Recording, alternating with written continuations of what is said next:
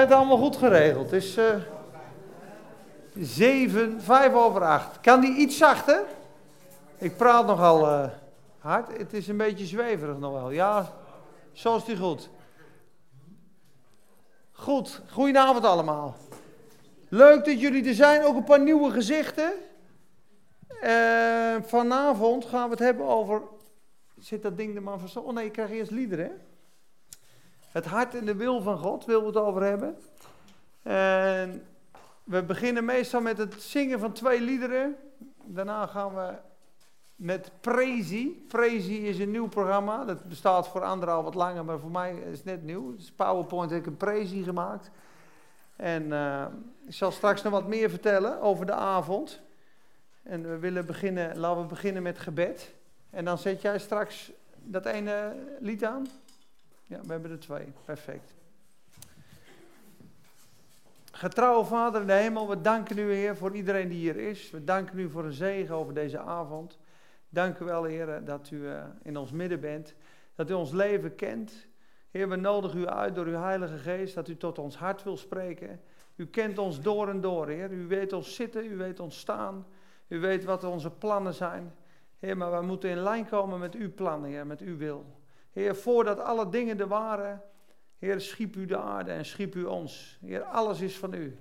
Heer, als u vandaag uw hand van ons aftrekt, dan sterven we.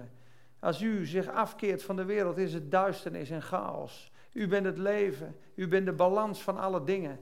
U bent de eeuwige en de onwankelbare. Vader, en ik bid ook dat we helemaal geplant zullen worden in u. Dat u ons, Heer, zoals we vanavond ook zien, Heer, gewild hebt. En dat u een verlangen heeft, Heer, om onze vader te zijn. Heer, we zijn een gezin en we zijn een familie. U hebt ons geschapen met een doel. Vader, maak uw hart en uw heerlijkheid en uw glorie bekend aan ons harten vanavond. Heer, uw wijsheid, uw liefde, uw wil. Heer, u wil dat wij leven naar uw wil. U heeft uw woord gegeven en het bekendgemaakt, Heer, wat, wat u wil, wat uw verlangen is. Heer, werk het in ons uit. We vragen het uit genade in Jezus' naam. Amen. Amen. Oké, Mark.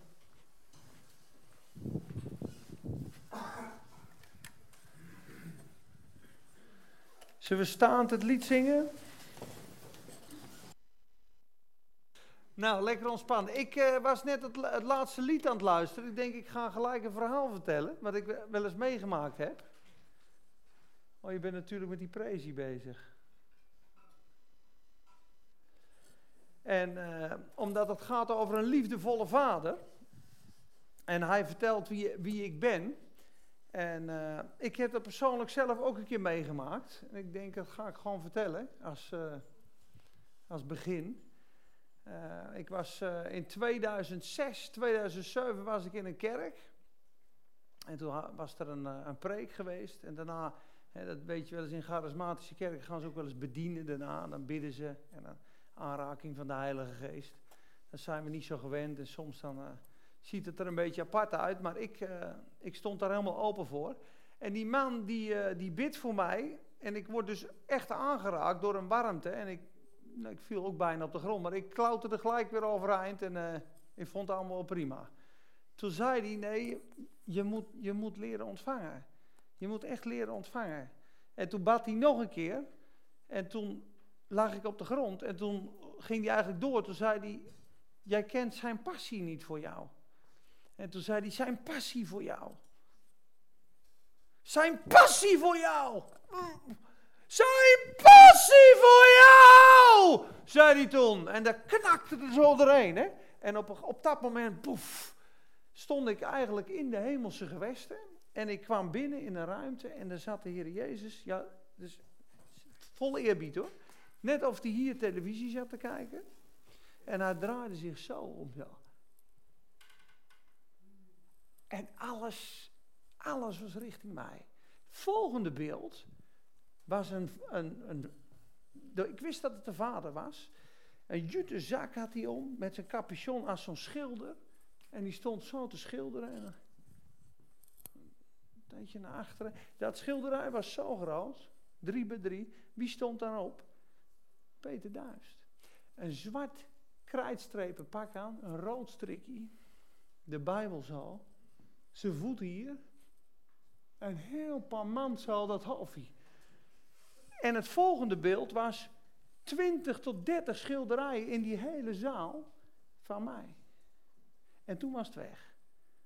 Nou, je weet wel hoe ik toen bijkwam. Dat ik dacht, zo'n intense liefde. Ik heb het nog in mijn, in mijn Bijbel gezet. Hij schilderde mij. Zo gebiologeerd. Zo vol aandacht. Zo vol liefde. Niks is belangrijk dan jij. En ik denk zoveel aan jou. Ik schilder die schilderijen. Ik heb een hele zaal vol. En zo zie ik jou. Vol overtuiging, per maand met je Bijbel. En dan zat ik midden in de, in, in, in de rats.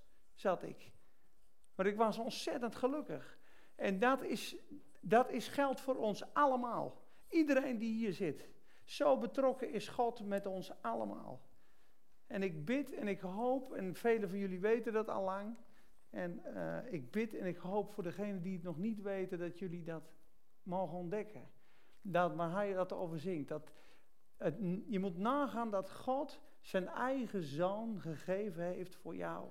Als je daarop inzoomt, zullen we straks zien. Gaan we naar de, gaan we naar de volgende. Mark, dan beginnen we. Ja, de volgende. Ja. Ja. Beginnen we. Uh, kan je er eentje één verder gaan? Of twee? Ik denk twee verder. Nog één. Ja, deze.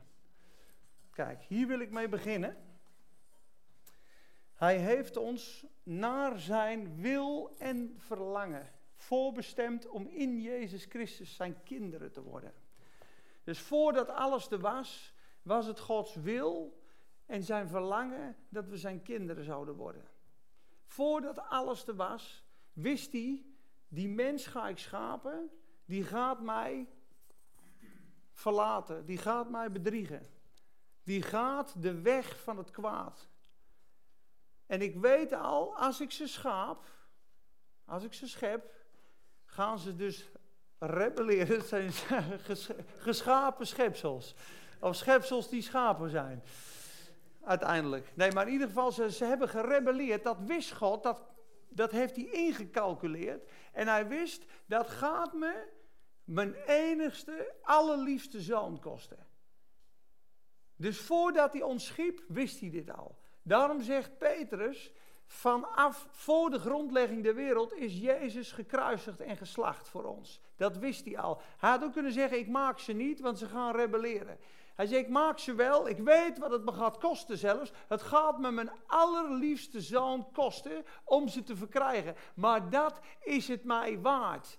Want ik wil kinderen hebben. God had geen kinderen.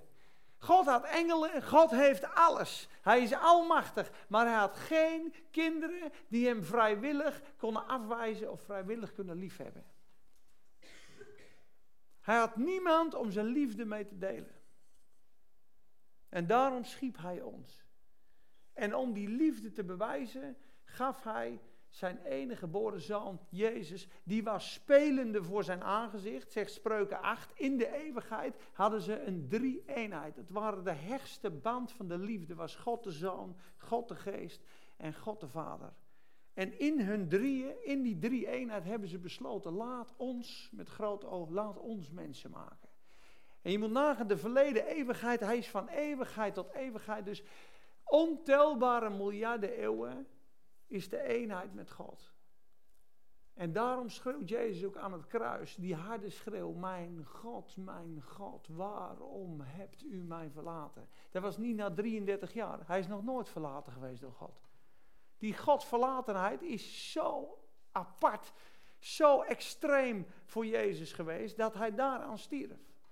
Jezus is gestorven aan afwijzing, aan een gebroken hart op het kruis. Daarom kwam de bloed en water uit zijn zij en daarom werden zijn botten ook niet gebroken. Je ziet wel eens bij de Passion, dan leven ze nog. Hè, maar dat feest moest, dan gingen ze met die hamer op die scheenbenen. Dan konden ze zich niet meer omhoog drukken en dan stikten ze.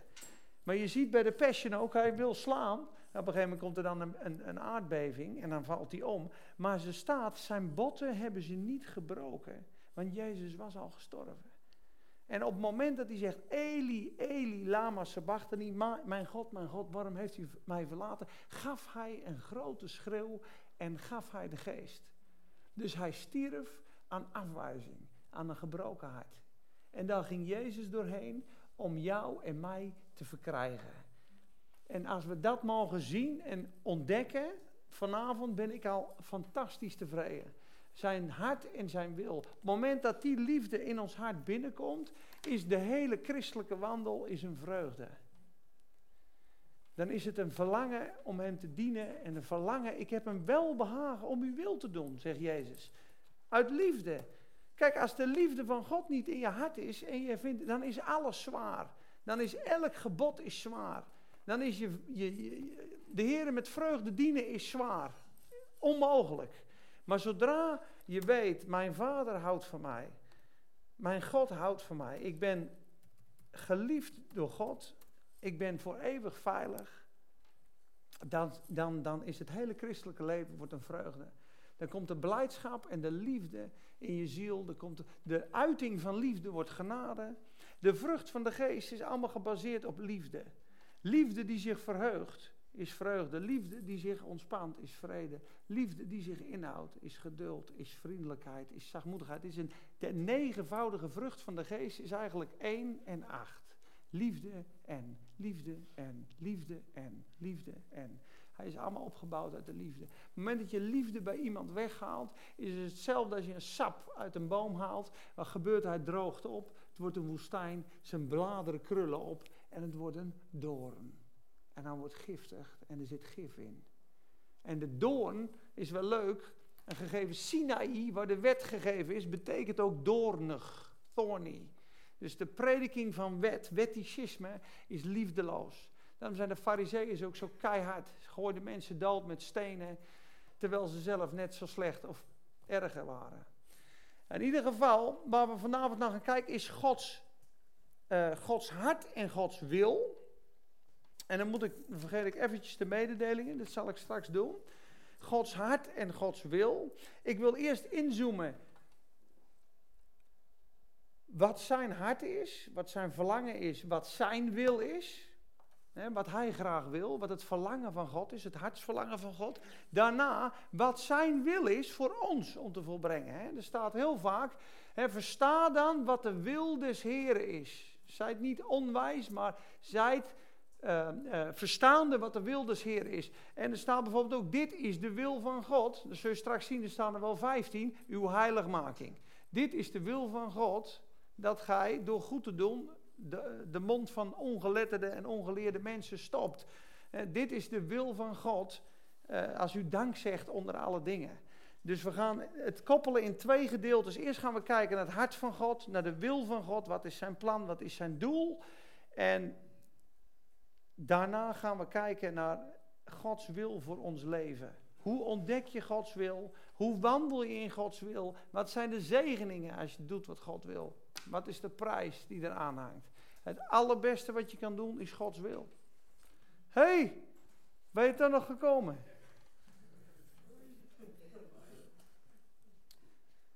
Oké, eentje terug. En dan heb ik hem hier ook. Ja. Even kijken, ik heb hier ook. Ja, dat is Handelingen 13, een stuk. En ik heb dit neergezet. Dit is David, waarvan geschreven wordt in Handelingen 13 dat hij een hart had naar een man naar mijn hart staat er, die al mijn wil zal volbrengen. Ik wil dat alleen even aantippen, omdat je moet goed opletten. Nadat hij hem had afgezet, dat is Saul, verwekte hij God David voor hen tot koning. Hij gaf ook getuigenis van David met de woorden: Ik heb David, de zoon van Isaïe, gevonden, een man naar mijn hart, die alles zal doen wat ik wil. Je moet goed opletten: Gods hart is zijn wil. Dus heb je het hart van God, dit is wat ik wil, dit is wat ik verlang. Ja, heb je ook de wil van God. Ik wil dit zo graag. Dat is wat je hart zegt. Dus God zegt hier, David heeft een hart naar mij. Dus die zal ook mijn wil volbrengen. Zien jullie dat? Snap je dat? Dat Gods wil is zijn hart. Ja? Nou, dan gaan we naar de volgende. Pijltje. Het is de eerste keer met Prezi. Oh, dan moet hij terug. Sorry, sorry Mark. Ja, nog eentje terug. Ja. Deze, ja, spreuken. Kijk, spreuken 23 vers 7. Zoek maar op, het is een machtige tekst. Spreuken 23 vers 7 is heel confronterend voor ons allemaal. Daar staat namelijk het volgende. Zoals je denkt, ben je. Zoals een mens van binnen denkt, zo is die. Als we al onze gedachten hier op een eh, projector op de muur hier zouden krijgen, dan zou je zeggen, nou, als ik ben wat ik denk, dan is het er niet zo goed bij me.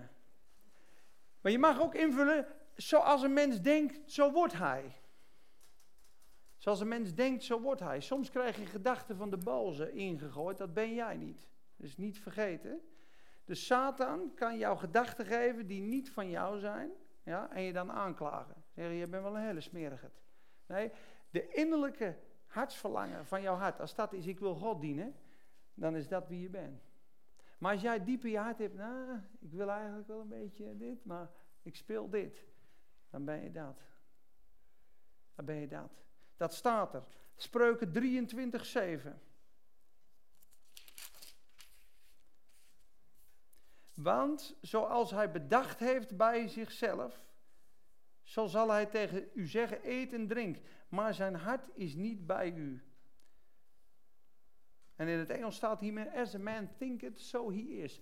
Dus de gedachten van een mens bepalen wie hij is. Ja, dus wat je zegt, wat je zegt van binnen in je hart, dat maakt wie je bent. Dat is eventjes een opbouw. Dus wat je zegt, is wie je is. Daarom is Gods woord is super betrouwbaar. Want God is zelf degene die dit gezegd en gesproken heeft. Gods geest heeft de Bijbel geïnspireerd. Dus God staat met zijn hele natuur achter dit woord. Dit is ook God. Jezus is het woord. Dit woord is zo betrouwbaar als God zelf, want hij staat erachter. Snap je dat de gedachte van God, dat dat de Bijbel is? Dus de gedachte van God is het hart van God.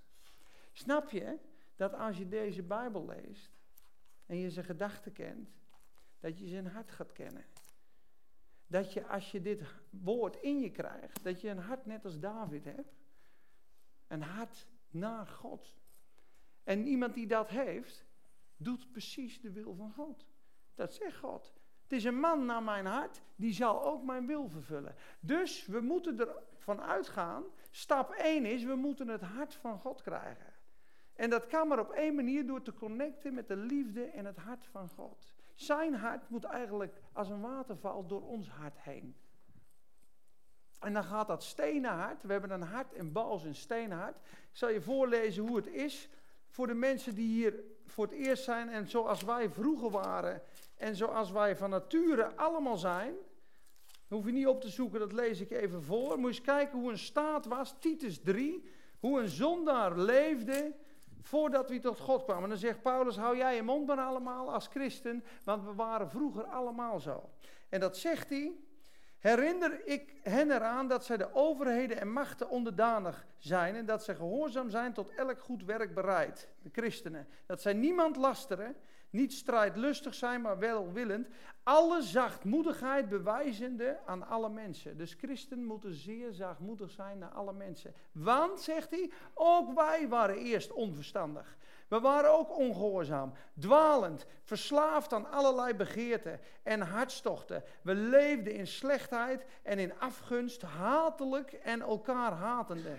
Maar toen de goede tierenheid van God, onze zaligmaker, en zijn liefde tot de mensen verschenen is, maakte hij ons zalig, heeft hij ons gered. Niet op grond van de werken van gerechtigheid die wij gedaan zouden hebben, maar vanwege zijn barmhartigheid. Door het bad van de wedergeboorte en de vernieuwing van de Heilige Geest. Deze Heilige Geest heeft hij in rijke mate over ons uitgegoten door Jezus Christus, onze zaligmaker. Moet je opletten. Opdat wij gerechtvaardigd, schuldeloos verklaard door zijn genade, erfgenamen zouden worden overeenkomst de vaste hoop van het eeuwige leven. En ik zat met, met Johan in, uh, bij Herman Boon. En toen zaten we in de grondsteek te kijken van de concordantie van het woord hoop. De hoop van het eeuwige leven. Weet je wat er staat? De absolute, eeuwige zekerheid van het eeuwige leven. Dus de absolute, eeuwige, vaste zekerheid van het eeuwige leven. Dat is hoop. Dat is Bijbels hoop. Als die hoop in je hart is, kan je niet meer stuk. Dat is een anker. En hij zegt, de hoop van dit eeuwige leven brengt je in de erfenis. Dus wat gaan we vanavond doen? Jammer dat die computer allemaal uitslaat naar zijn stem. Wat gaan we vanavond doen? We gaan vanavond in het woord kijken naar Gods hart. En mijn wens en verlangen van deze avond is, is dat iedereen verliefd wordt op zijn Bijbel. Op het moment dat je je Bijbel gaat verslinden, ga je het hart van God stukje voor stukje kennen. Ga je zijn liefde kennen, ga je zijn gedachten kennen. Waar raakt God helemaal van overstuur? Wat weegt heel zwaar bij God? He, bijvoorbeeld Hebreeën 10, het gewoon onverschillig omgaan met genade of met het offer van Jezus. Dat weegt zeer zwaar bij God. Maar bijvoorbeeld in Korinthe zijn best wel wat misstanden en wat zonden. Nou, God lijkt zich er niet zo heel druk over te maken. Hij zegt, ik dank jullie voor de genade die er is. God weet dat, komt wel goed met dat gedrag. Maar in Galaten, als ze hun uiterste best doen om God te dienen vanuit de wet, dan komen de berispingen van God gigantisch hard om de hoek kijken. Wie heeft jullie betoverd? Uitzinnige, dwaze gelaten, stommelingen. Wat is er gebeurd? Heb je de genade vergeten? Ben je vergeten waar je mee bezig bent? Dus Gods gedachten in het Oude en het Nieuwe Testament moeten ons bekend worden. Dan gaan we hem kennen. Het moment dat je hem gaat kennen, ga je hem ook vrezen, ga je hem ook aanbidden. Het moment dat je hem gaat aanbidden, wordt zijn geest en zijn leven steeds meer in ons en gaan we wandelen naar zijn wil. En komen we perfect in de bestemming die God voor ons heeft. Amen. Dus zijn woord is hij zelf. Zijn woord, zijn wil en zijn hart zijn één. Als we het woord kennen, kennen we dus ook zijn wil. Dus zijn wil is het woord. Dit is wat God wil. En dit is zijn geopenbaarde wil. Heel veel mensen die vragen leiding over hun leven. Die vragen, ik weet niet wat ik moet doen. Die zijn nog niet eens gehoorzaam in de beschreven wil van God. Ja, en die vragen wel de specifieke wil van God. Als je moet nagaan dat een evangelist vraagt, waar moet ik heen? Dat staat niet in de Bijbel. Ja, ik kan een, plaats van God krijgen, Thessalonica of eh, Macedonië in een droom. Maar normaal gesproken zal hij de leiding van God specifiek kunnen ontvangen van ik wil dat je naar Eritrea gaat. Ik wil dat je daar een weeshuis begint. Dat zou de specifieke wil van God kunnen zijn. Maar voordat God specifiek gaat praten in het geheim, ja, wil hij eerst dat je zijn geopenbaarde wil gehoorzaam bent. Op het moment dat de Bijbel zegt vergeef, vergeef en zegen je vijanden en je blijft daar uh, je blijft daar achterin, dan gaat God niet veel meer verder spreken. Dan wacht hij tot je gehoorzaam bent. Want als je dit niet doet, zul je dat andere ook niet doen. Dus zijn woord is zijn wil. En daarom behoren we het woord heel goed te kennen. Bid daar ook voor. Geef, bid gewoon, Vader, geef mij genade om trouw te zijn in het lezen van het woord. Geef mij de juiste, uh, uh, geef mij de juiste bril om uw woord te lezen. Geef me de juiste schriftgedeelte. Geef me de juiste boeken. Maak me hongerig naar uw woord. Ik begrijp het niet, Heer. Bel iemand op. Maar ga ermee aan de slag, want het woord is heerlijk. Het is vol van schatten en het is geschreven aan ons. Ja? Volgende. En dan nog één. Ja, die hebben we al gehad. Zijn hart is zijn wil. Die hebben we ook gehad. En nou gaan we naar deze toe. Dit is wat God wil over ons. En dat zijn een paar schriftgedeeltes. En dan wil ik uh, lezen Johannes 6. Dit is een heel mooi aspect van de wil van God. Johannes 6, vers 37 tot 40. God wil niet dat wij verloren gaan. God wil ons verlossen. Galaten 1 vers 4. Naar zijn wil heeft hij ons getrokken uit deze wereld. God wil ons zegenen. Deuteronomium 8. God wil ons genezen. Er komt een man bij Jezus, ik ben melaats. Indien gij wilt, heren, kunt gij mij reinigen. Wat zegt Jezus? Ik wil het. Wees rein. Hij wil ons zekerheid geven. Maar ik pak deze eruit, Johannes 6, vers 37 tot 40. Moet eens kijken hoe mooi hier de wil van God ook beschreven staat. En dit is een onderwerp dat is heel breed. Dus het gaat echt niet in één avond dat we dat behandelen. Het zou ook uh, niet kunnen. Dan zouden we doorheen razen. De wil van God. Dit is gewoon een, um, je moet nagaan een opstap. En de rest mag je gewoon thuis zelf ontdekken. Maar dat, sommige mensen zijn best kortzichtig. Die zeggen, dit is de wil van God. En dan denk ik, ja, maar er staan, er staan nog 16 teksten. Waarom, waarom pak je er één van de 16? Het is wel wat breder. Maar Johannes 6, vers 37, let op. Alles wat de Vader mij geeft, zal tot mij komen. En wie tot mij komt, zal ik beslist niet uitwerpen. Want ik ben uit de hemel nedergedaald, niet opdat ik mijn wil zou doen, maar de wil van Hem die mij gezonden heeft. En nu komt hij. En dit is de wil van de Vader die mij gezonden heeft. Dat ik van alles wat Hij mij gegeven heeft, niets verloren laat gaan, maar het doe opstaan op de laatste dag.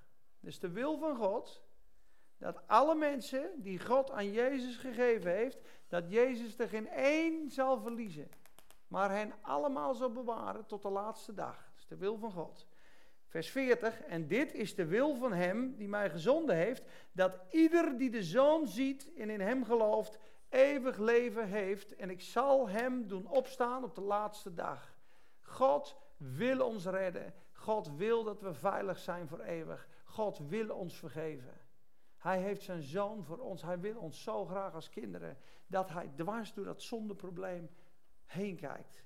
Zijn genade is groter dan de zonde. Wij hoeven nooit meer te vrezen voor onze zonden. Want die zijn opgelost. Het zondeprobleem is opgelost. We voelen ons wel ellendig als we zondigen. En we breken wel de gemeenschap met God als we zondigen. Maar het zondeprobleem is opgelost. Het zondeprobleem is niet het probleem van God. Het is meer het niet geloven dat dat zondeprobleem opgelost is wat God kwetst. Dat je eigenlijk zegt, mijn zonden zijn eigenlijk zwaarder en ik straf mezelf maar en ik ga maar niet bij God. En dat vindt hij verschrikkelijk. Je hebt mij verlaten. De springader van het leven. Als je weggaat bij God, omdat je in je hoofd denkt, hij is, ja, zo goed zal hij wel niet wezen, zo genadig zal hij wel niet wezen, ik heb het, ik heb het verpest. Dat kwetst hem veel meer dan dat je zondigt en valt en zegt, Heer, ik ben weer gevallen. Ach lieverd, ik wist het toch al. Ik heb al je zonden al gedragen. Ik weet precies, God weet volgende week wat je gaat doen. En die week daarna en volgend jaar. Al, zijn, al je zonden zijn hem al bekend. En hij wist het al bij de grondlegging der wereld. En hij zei, weet je wat, voordat je bestaat, ga ik al aan het kruis. Dan weet je in ieder geval dat mijn liefde groter is dan jouw zonde. De zonden zijn vernietigd op het kruis van Golgotha. Jezus heeft overwonnen.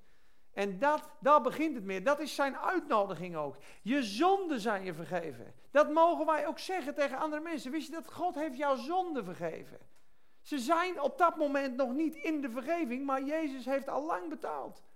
Je mag tegen een zonde zeggen, wist je dat God jouw zonden vergeven heeft? Echt waar? Echt waar? Ja, maar wil je dat ook in ontvangst nemen? Wil je je oude leven afleggen zodat je dat ook ontvangt? Want dat geschenk ligt al klaar. Hij heeft al voor jou gekozen voor de grondlegging der wereld. Met al je viezigheid, met al je smerigheid. Ja, maar je weet niet wat ik gedaan heb. Nee, maar je weet niet wat hij gedaan heeft. Dat offer is zo oneindig groot. En als we dat beseffen, en, en moet ik mezelf keer op keer aan herinneren. Want ons normale denken denkt, ja, nou, een keer of tachtig zondigen, nou is het wel klaar hoor. Nou is het wel klaar hoor. Ik ben, wij zijn niet unlimited, maar Gods genade is oneindig.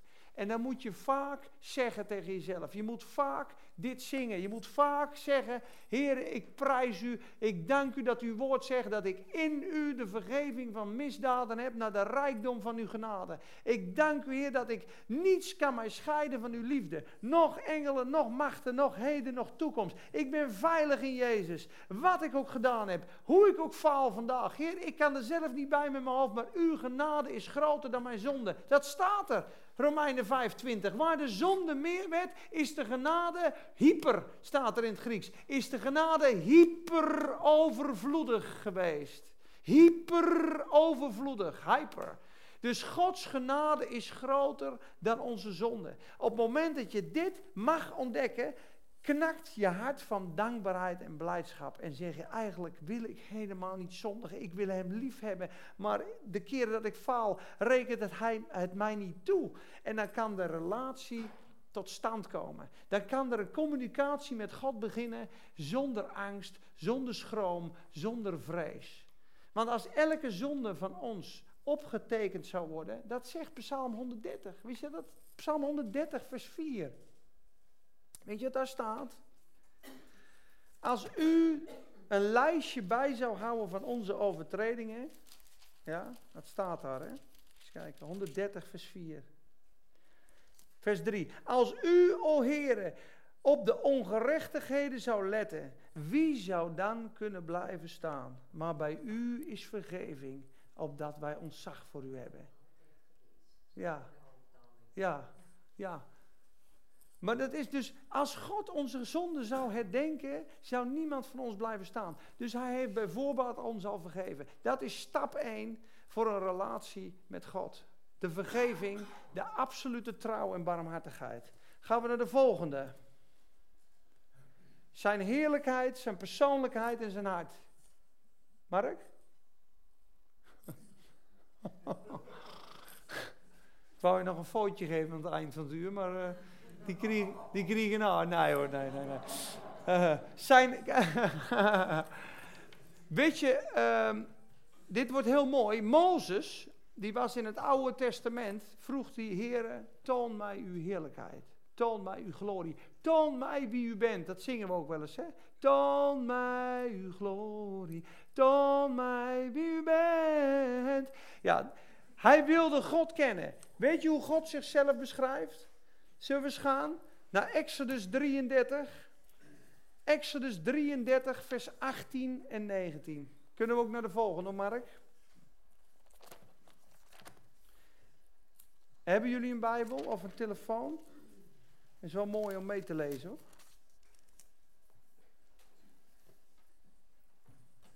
Gods heerlijkheid is een afspiegeling van zijn karakter.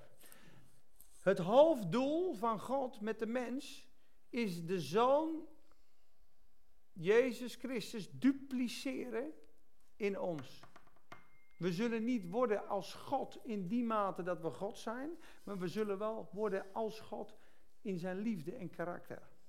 Dat zegt 1 Johannes 3. Wij weten niet wat wij worden zullen, maar wij weten dit, dat als we Jezus straks zien, zullen we worden zoals Hij is. We zullen worden zoals Hij is. Hebreeën 2 zegt, hij heeft ons gered en geroepen om vele zonen en dochteren tot heerlijkheid te, te redden, te brengen, te brengen. De heerlijkheid van God wordt in ons straks geopenbaard en we worden helemaal verheerlijkt. Dat zegt Romeinen 8. We worden naar het beeld van de Zoon van God gelijk gemaakt. Dat is de verheerlijking. Straks worden we verheerlijkt. Een verheerlijk lichaam. We worden als God. We zullen lief hebben als God. Kennen zoals we gekend zijn. Nu kennen we ten dele, maar dan zullen we kennen zoals we door Hem gekend zijn. Van aangezicht tot aangezicht. Dus we worden als God. Dat is het heerlijke doel. En dat belooft God. En dat heeft hij ook vaststaan. Lees Romeinen 8 maar. Maar de glorie van God is dit. Mozes zeide, 33, 18, toon mij toch uw heerlijkheid, toon mij toch uw glorie. Toen zei God, ik zal al mijn goedheid, is glorie, één is goedheid, bij u voorbij laten komen. En in uw aanwezigheid zal ik de naam van de Heere uitroepen. En nu komt dat stuk uit Romeinen 9. Ik zal genadig zijn voor wie ik genadig zal zijn. En ik zal mij ontfermen over wie ik mij ontfermen zal. Hier zegt God dat hij soeverein is. Ik bepaal wat er gebeurt. Dit is ook een deel van zijn heerlijkheid, is zijn soevereiniteit. God hoeft aan niemand verantwoording af te leggen wat hij doet. Dat is een deel. Dan gaan we naar het volgende hoofdstuk. Dan gaat namelijk, de Heer verschijnt aan Mozes, vers 5, gaat dit verder. Toen daalde de Heer neer in een wolk, ging daar bij hem staan en riep de naam van de Heer uit. Dus dat doet de Heer zelf. Die roept zijn eigen naam. En toen de Heer bij hem voorbij kwam, riep hij Heere, Heere, God, barmhartig en genadig, geduldig en rijk aan goede tierenheid en trouw. Dat is zijn heerlijkheid. Dat is wat God van zichzelf zegt. Die goede tierenheid blijft bewijzen aan duizenden, die de ongerechtigheid, overtreding en zonde vergeeft, maar die de schuldigen zeker niet voor onschuldig houdt en de ongerechtigheid van de vaders vergeldt aan de kinderen en de kleinkinderen tot in het derde en vierde geslacht. Toen haastte Mozes zich, knielde ter aarde en boog zich neer. Dus Gods glorie wordt uit zijn eigen mond hier geproclameerd ik ben genadig, ik ben barmhartig, ik ben geduldig, ik ben trouw. Dat is de heerlijkheid van God. Dat is één aspect. Ja, Psalm 19. Heel kort, dat is een deel. De hemelen vertellen Gods heerlijkheid. Staat daar. De uitgestrekte hemelen en het heelal is een beeld van Gods heerlijkheid. Nog een hele mooie. En dan gaan we over naar het tweede gedeelte. Dit is de laatste opbouw over de heerlijkheid. Moet je eens kijken, als Jezus het water in wijn verandert, in Johannes 2, dit was het eerste wonder wat hij deed, Johannes 2, vers 11. Ik begin eventjes in vers 9. Toen nu de ceremoniemeester het water geproefd had dat wijn geworden was, wist hij niet waar de wijn vandaan kwam. Maar de dienaars die het water geschept hadden, wisten het. Toen riep de ceremoniemeester de bruidegom en hij zei tegen hem: Iedereen zet eerst de goede wijn voor. En wanneer men er goed van gedronken heeft, daarna de mindere. Maar u hebt de goede wijn tot het einde bewaard. Moet je even goed opletten. deze bruiloft die man is niet begonnen met de slechtste wijn, nee, die is begonnen met de beste wijn. En hij zou normaal gesproken de slechte wijn doen. Ja? Dus de beste wijn was geserveerd. Toen was het op, toen kwam Jezus. En die maakte excellente superwijn. Want de ceremoniemeester zegt, ja, ja, deze wijn, dit is de beste. Die heb je voor het laatst bewaard. Dat had hij niet. Hij had de beste wijn eerst, eerst gebruikt. Dus Jezus maakte water in topwijn. Dat was topwijn. Top! En wat staat er in vers 11? Dit heeft Jezus gedaan als begin van de tekenen en hij heeft zijn heerlijkheid geopenbaard. He manifested his glory, zijn goedheid. Dus de heerlijkheid van God is zijn goedheid. Amen. God is goed. God is barmhartig. God is trouw. God is genadig. God heeft je lief. God is waarachtig. Hij kan niet liegen. En zijn beloftes zijn ja en amen. Dat is het fundament voor ons leven. Hé hey Johan, hoe is vriend? Ik had je al niet gezien. Dat is het fundament van ons leven. Anders, op het moment dat we twijfelen of we vergeven zijn, ja, piekeren we. Ja, kunnen we niet leven in de wil van God, kunnen we niet in de blijdschap. Op het moment dat we twijfelen of God wel trouw is, of hij wel te vertrouwen is, kunnen we niet de wil van God uitvoeren. Op het moment dat we twijfelen of God waarachtig is, ja, of God barmhartig is, of goed is, is hij wel goed? Wil hij mij het goede wel geven? Kun je niet leven in hoop? Dus je moet doordrenkt zijn, God is goed. God wil mij het beste geven. Deuteronomium 8, lees maar thuis, vers 1 tot 16. Ze gaan door heel veel dingen heen. Heb je je wel eens afgevraagd? Ik ga trouwens lezen ook, dat is wel mooi. Deuteronomium 8, heb je wel eens afgevraagd dat wij hier op aarde zijn, waarom God ons hier op aarde houdt? Dat vraag ik me wel eens af. Ik had dat vroeger op Bijbelschool ook. Denk van, en op Bijbelschool werd gezegd dat als je als kind van God wedergeboren wordt, dat je dat ook nog kan verliezen. Daar werd ik, werd ik heel bang voor. Ik heb dat heel lang bestudeerd. Dat, ik geloof absoluut niet dat dat kan. En daar heb ik wel, nou, ik denk 89, 90 teksten voor. Maar ik dacht toen bij mezelf, dat is lekker. Dan ben je nu een kind van God. En dan kan het nog zo zijn dat ik verloren ga. Nou, dan, kan ik beter, waarom haalt God me dan niet gelijk thuis? Waarom, hè, dan, dan, hoop ik nog dat ik vermoord word deze week, bij wijze van spreken. En waarom gaan we niet als een raket allemaal omhoog? God wil ons toch? God heeft zijn zoon gegeven, de, de zonden zijn betaald. Hij wil ons in de hemel hebben. Waarom dan niet, boem, een raket gelijk omhoog? Dan weten we gelijk, die zijn bij de hemel. Nou, dan buig ik ook, dan ga ik ook. Waarom niet? Waarom laat God ons hier op aarde? Maar weet je wat hij zegt? Zegt hij heel duidelijk. Deuteronomium 8. En we beginnen in vers 1. U moet alle geboden, dat is de wil van God ook, die ik u heden gebied, nauwlettend in acht nemen, opdat u leeft. Talrijk wordt en het land dat de Heer uw vader onder ede beloofd heeft, binnengaat en in bezit neemt. Ook moet u heel de weg in gedachten houden waarop de Heer uw God u deze 40 jaar in de woestijn geleid heeft, opdat hij u zou verootmoedigen. En u op de proef zou stellen om ten einde te weten wat er in uw hart was, of u zijn geboden in acht zou nemen of niet. Hij verootmoedigde u, hij liet u honger lijden, hij liet u het manna eten dat u niet kende en ook uw vaderen niet gekend hadden, om te laten weten dat de mens niet alleen van brood leeft, maar van elk woord wat uit de mond van God komt. Dat is een tekst. En dan in vers 16, die u in de woestijn het manna liet eten dat uw vader niet gekend had, opdat hij u zou verootmoedigen en u op de proef te stellen, om u uiteindelijk goed te doen.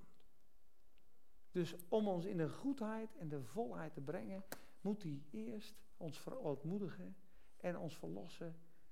Je leven niet van brood, je leven van het woord. Je leven niet van je eigen, je leven van mij. Hij moet ons eerst losbreken uit ons oude ik. Anders kunnen we die zegen niet ontvangen. Je moet nagaan, als ik nu een baan krijg in China, ja, een hele mooie baan, en ik ga nu naar China, komt er niks van die baan terecht. Ik zal eerst de taal moeten leren. Zo is het ook met de hemelse dingen. Op het moment dat je wedergeboren wordt, spreek je niet de taal van de hemel. En de taal van de hemel hebben we hier. Niks in dit boek is natuurlijk. Daarom hebben wetenschappers er ook zo'n hekel aan. Een maag die zwanger wordt. Jona in een walvis. De aarde in zeven dagen. Dat kan allemaal niet. Het is allemaal bovennatuurlijk. Waarom? Petrus had al miljoenen vissen gevangen. En Jezus zegt, uh, gooi even een haak uit. De eerste vis die je vangt, die heeft een munt in zijn bek. Ga maar gewoon. Ja, Petrus die is daarheen gelopen. Die denkt, ja, ik ben al 25 jaar visserman. Ik heb al 14 miljard van die vissen omhoog gehaald. Maar er heeft er nooit een munt in gezeten. Maar Jezus zegt het, dus ik doe het. En er zat een munt in. Waarom doet hij dat? Omdat hij wil dat we stoppen met logisch denken en zien naar zijn oneindige voorziening. Kijk maar bij het brood, bij de vermenigvuldiging van het brood. Wat is 200 schilling op zo'n menigte? We hebben vijf broodjes en twee vissen. Maar wat is dat op zo'n menigte? Zie je hoe ze denken? En hij zegt, ja maar het oneindige vis en brood en supply en God is hier. En ze hebben twaalf mannen over. En dan zitten ze in de boot. En dan zeggen ze, uh, zegt de Heer Jezus, wacht u voor het zuurdesem. Uh, wie heeft er uh, brood gebracht? Is het brood op? En dan zegt hij, versta je nu nog niet? Is je hart nu nog hard? Hoeveel had je over bij de 4000? Hoeveel had je over bij de 5000? Heb u nog steeds uw harde hart? Weet je erachter staat? Want ze hadden niet gelet op het wonder van de broden. Het moment dat je de wonderen van God vergeet, ja, blijf je aards denken. Kom je nergens. U bent een struikelblok voor mij, Petrus. Want je bedenkt de dingen die van de aarde zijn en niet die van de hemel zijn. Dus als ik in China wil gaan werken, zal ik eerst Chinees moeten leren. En als ik de cultuur moet leren, zal ik me moeten verlossen van mijn eigen culturele dingen. Ja, als je daar stipt op tijd zijn, of wat dan ook, of boeren na het eten, net als bij de Arabiërs, die boeren na het eten, dan zul je dat moeten leren. Zo is het protocol van de hemel ook. Moeten wij in groeien als dochters en zonen van God. Het is een andere taal, het is een andere weg, en het is totaal anders. Zodra je veel in de Bijbel leest en veel met christenen omgaat, ben je veel met die andere taal en het andere leven bezig. Word je steeds meer, voel je je thuis. Stel je voor dat ik vloeiend Chinees spreek en die baan die gaat goed. Dan heb ik toch een heerlijk leven in China. En stel je voor dat ik het niet kan. ha En het lukt me niet meer. Voel hai. Dus, dus, dat is, dus dat is stap 1. De taal van God. Nou, we gaan zo pauzeren, maar ik wil nog even wat zeggen. Uh, voor de mensen die hier voor het eerst zijn. ik heb even nagedacht, ook tijdens het vasten. En ik doe heel vaak hier doe ik een collecte. En dat voelt bij mij niet prettig. Dan denk ik altijd bij mezelf, het zijn mijn broers, het zijn mijn zussen. Dan ga ik een preek houden uit de Bijbel over geven. En dan komt het in mijn eigen kistje en dan kom ik wel eens thuis en denk ik, ik wil dit helemaal niet. Ik wil dat zeker niet zo doen. Ik kan prima onderwijs geven over geven als het voor een ander is of een goed doel. Dus ik heb echt gedacht, ik vind het prima als daar een, een box staat en iemand zegt van... hé hey Peter, ik wil, uh, ik wil graag zeggen, ik wil wat geven... maar ik ga het niet meer op collecte doen... want ik krijg er een knoop van in mijn buik... en ik begin er Spaans benauwd kijken van. De Bijbel spreekt daar ook over, het gevaar. Hè? Geen vuil gewinzoeker bij de oudste. Dus je kan heel makkelijk manipuleren met woorden... En er staat bijvoorbeeld in 2 Petrus dat sommige valse leraren maken koopmanschap, maken handel van mensen. Op een gegeven moment gaat het niet meer om de mensen, dan gaat het om de geld. En dan komen er, zitten er straks honderd man. En dan gaat het niet meer om, de, om het familiaire eh, gesprek en de eenheid. En dan gaat het straks om de munten. En ik, ik wil dat niet hebben, zo'n valkuil. Dus ik heb echt gedacht, ik kap met de collectors. Ik heb wel uh, sommige mensen een nieuwsbrief gestuurd. Dat is deze, ik geef Henny er ook even één. Stel je nou voor dat je hier zit en je vindt het fijn en je zegt van nou, normaal met de collecte had ik een x bedrag erin gegooid. Er zijn geen collectes meer. Ik wil best elke maand steunen, ondersteunen ons gezin of de bediening. Prima. Dat is helemaal vrij. Kan je dat gewoon digitaal regelen? Is het voor mij los? Dan kan het op een gegeven moment een achterban worden waardoor wij gesponsord worden. Nou, dan kan je overal inzetbaar zijn op scholen of bij preken, dan is dat los. Dat het Mark van der Poel bijvoorbeeld ook bij Open Doors, die heeft het via een achterban geregeld. Nou, wil je dat heel graag? Stuur me dan een mail of een app of uh, neem straks een nieuwsbrief mee. Ik zal ze hier leggen. Ik zal ze hier op het tafeltje leggen. Daar staat ons levensverhaal op. Er staat het afgelopen jaar op en er staan alle gegevens op. En dan zal ik uh, straks bij de koffietafel uh, een box zetten of bij de uitgang. En dan doen we het gewoon zo op die manier. Dus iedereen is vrij om er wat in te doen. We gaan geen collecties meer doen, tenzij we een heel goed doel hebben. En dan krijg je ook goed onderwijs overgeven. Want ik kan best goed onderwijs geven vanuit de Bijbel over zaaien en oogsten en de principes. Maar om dat voor mezelf te doen, heb ik geen vrede mee. Klaar? Amen. Oké, dan gaan we na de pauze verder met het volvoeren van Gods wil en het kennen van Gods wil. Amen.